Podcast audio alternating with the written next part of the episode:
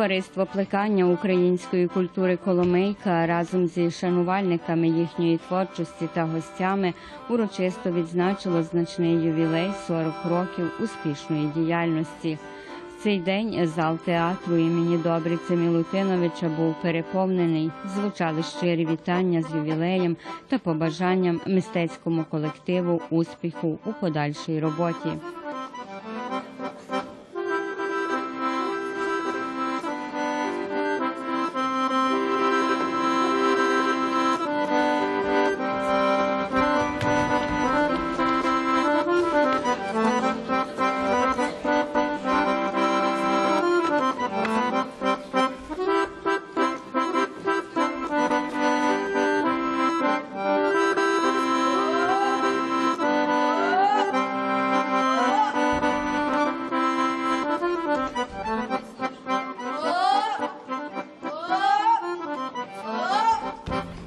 Poštovani učesnici u programu, želim sve skupa da vas pozdravim na ovom našem nemalom jubileju. E, 40 godina je i u, životu jednog čoveka već lepa, e, le- lepe godine.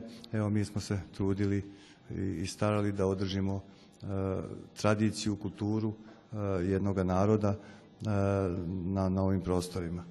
E, Hteo bih posebno da pozdravim e, danas naše goste koji će ovaj, nastupati na ovoj sceni. Mi dugi niz godina e, na našim koncertima pozivamo stalno e, neke druge goste. Ovaj put je red došao na e, kulturno-prosvetno društvo Ukrajinaca Karpati iz Lipovljana. E, mušku pevačku grupu e, Verhovena iz Gradiške, Bosne i Hercegovine. I naše male drugare tu iz Sremske Mitrovice, dečiji e, horić e, Vivak. I njihovu, i njihovu nastavnicu Tamaru. Ювілярів привітав Зоран Міщевич, заступник начальника міського управління з питань освіти, культури та спорту міста Сремська Митровиця та Олександр Олександрович, посол України у Сербії. Dobro večer svima.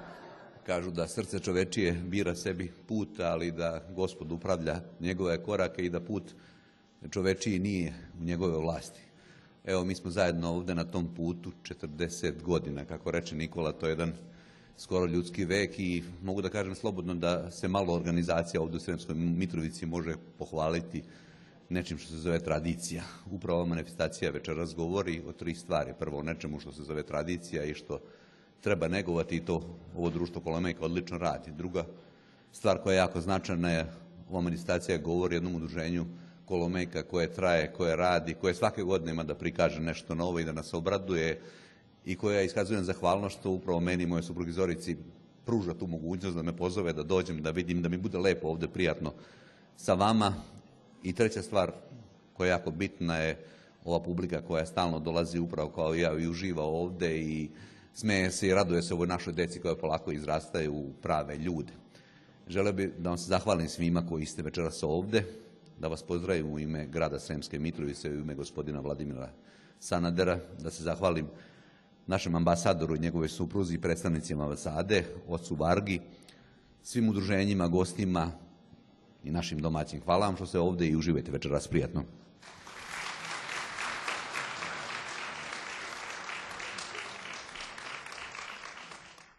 Шановна українська громада, е, поштовні представниці локальної самоуправи, е, чесний отче, е, шановні друзі, мені дуже приємно з дружиною і з представниками посольства бути на такому важливому ювілеї 40 років Коломийці. Хочу подякувати і пану Миколі, і всім його попередникам, які доклали багато зусиль для того, щоб протягом такого тривалого часу підтримувати, плекати українську культуру, українську музику, пісню і танець.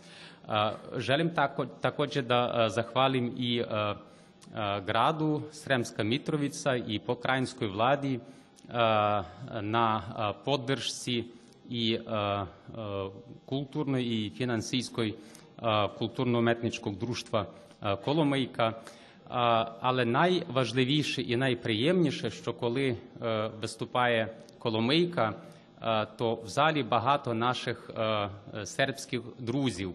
І е, я видим, как, srpske prijatelje e, uživaju u e, plesu, e, u e, muzici e, Ukrajinaca ovde u e, Sremskoj Mitrovici u Srbiji. Hvala još jednom, zajedno u koncertu.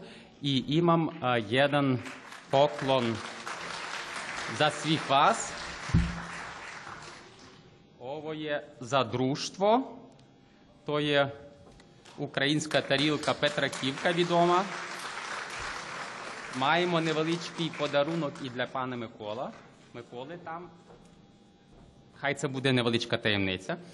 A а також хочу повідомити, жалім також да obavestim да ми смо донали і око 50 книга на українському язику, які ми чемо дати као поклон бібліотеці друштва.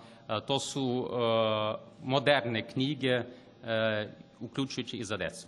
Hvala još jednom. Дякую.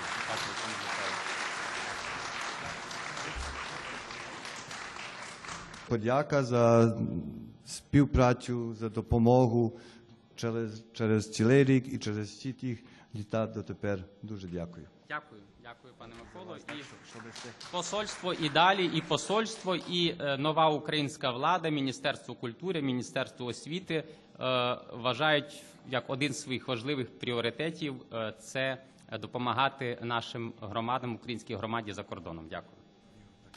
Ох, гарно, слухайте. Прекрасно.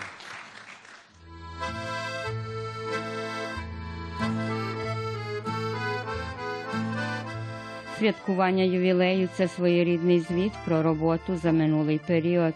Тож до цієї події всі члени товариства старанно готувалися, і виступи учасників коломийки, вкотре приємно вразили всіх присутніх своїм натхненням, майстерністю і чудовим настроєм.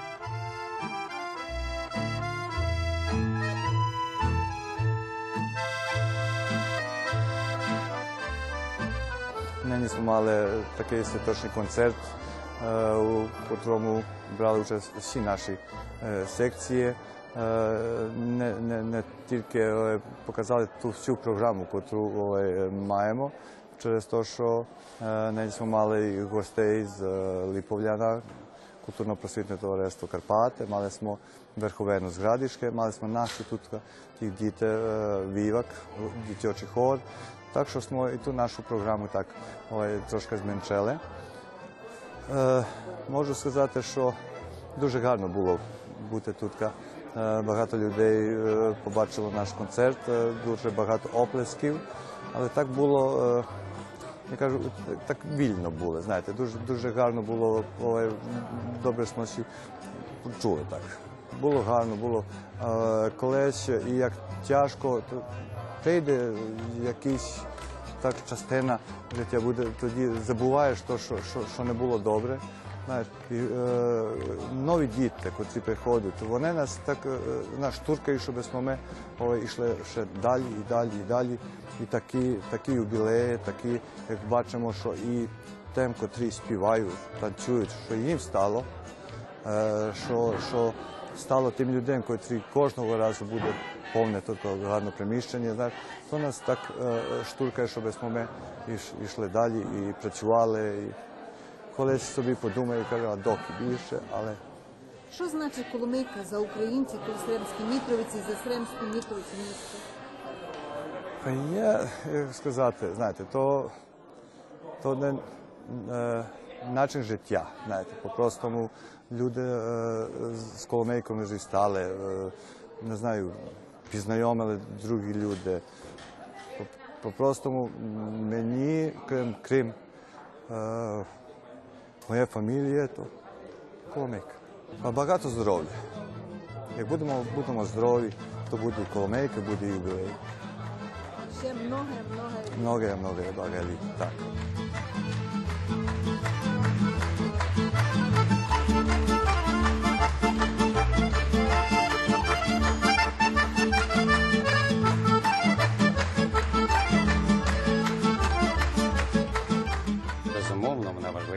Громади української Сербії, для українського посольства.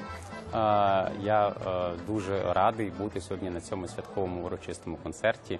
Я знаю, що за 40 років е, вже декілька сотень е, е, людей пройшло через е, е, цей колектив. Е, е, І е, сьогодні ми е, почули виступи не лише із е, Стремської Митровиці, але також і наших е, друзів із е, Хорватії, з Боснії.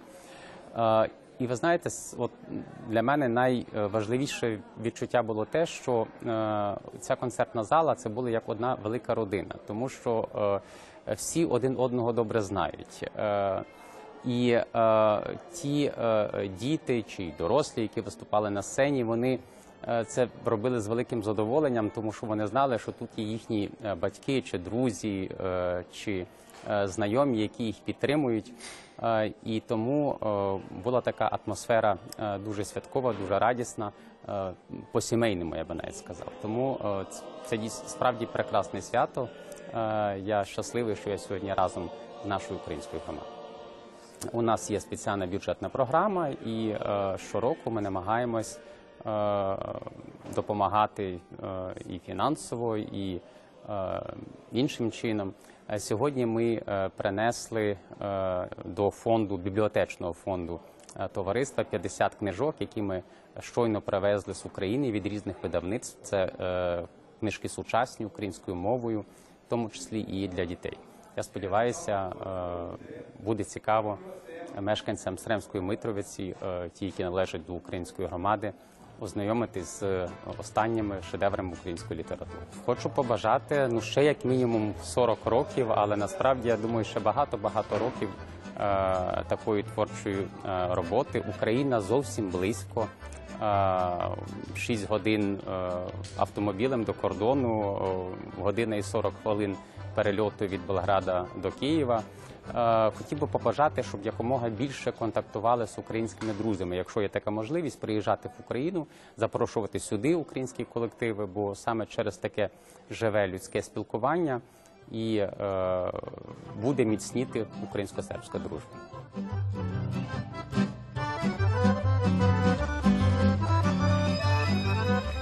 І здається, що спиняється мить, коли лунають музичні номери у виконанні джерельної групи співаків. Більшість учасників цієї групи з коломейкою з самих початків діяльності товариства.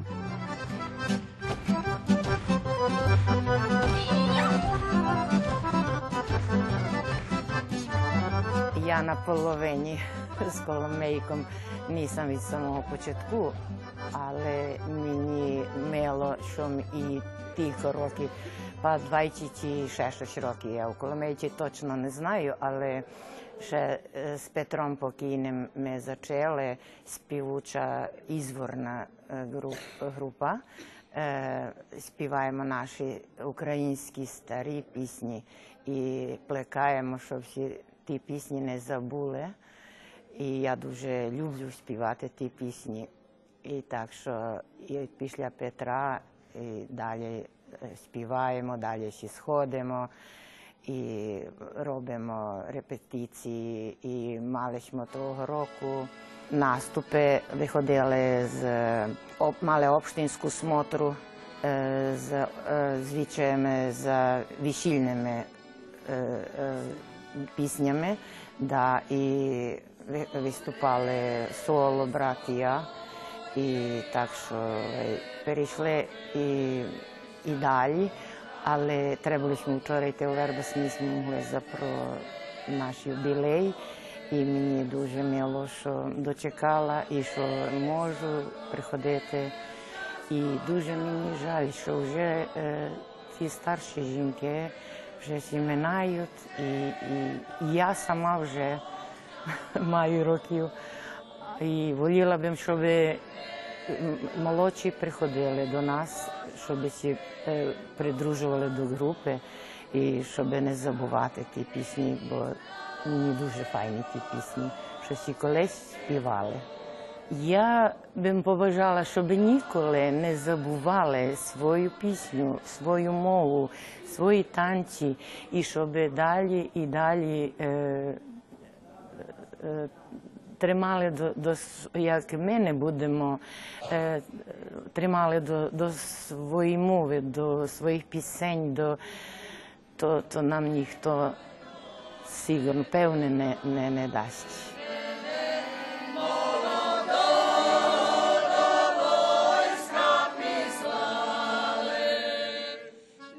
Желаю найліпше всім, котрі з нами наступають і так. Чи за вас багато значить та Коломийка за вас, за вас особисто? Означає, то, що ж усі дружимо, ту переходимо сюди і таке.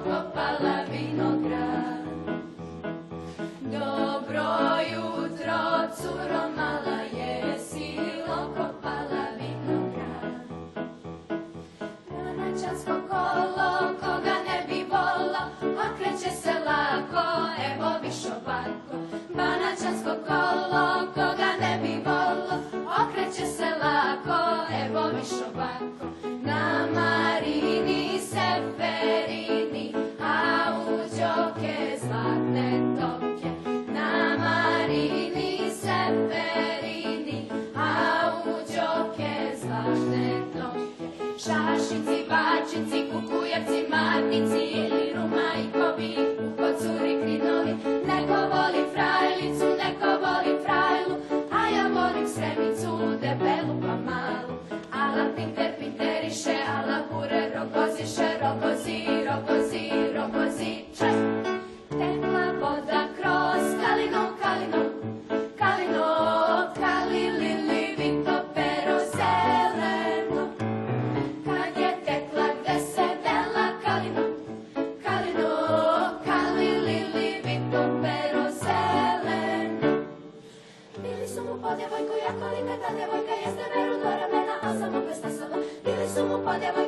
nikad djevojka, jeste veru ramena, a za maka sasala. Bili su mu pa djevojku, jako nikad djevojka, jeste veru do ramena, a za maka sasala. Bili su mu pa djevojku,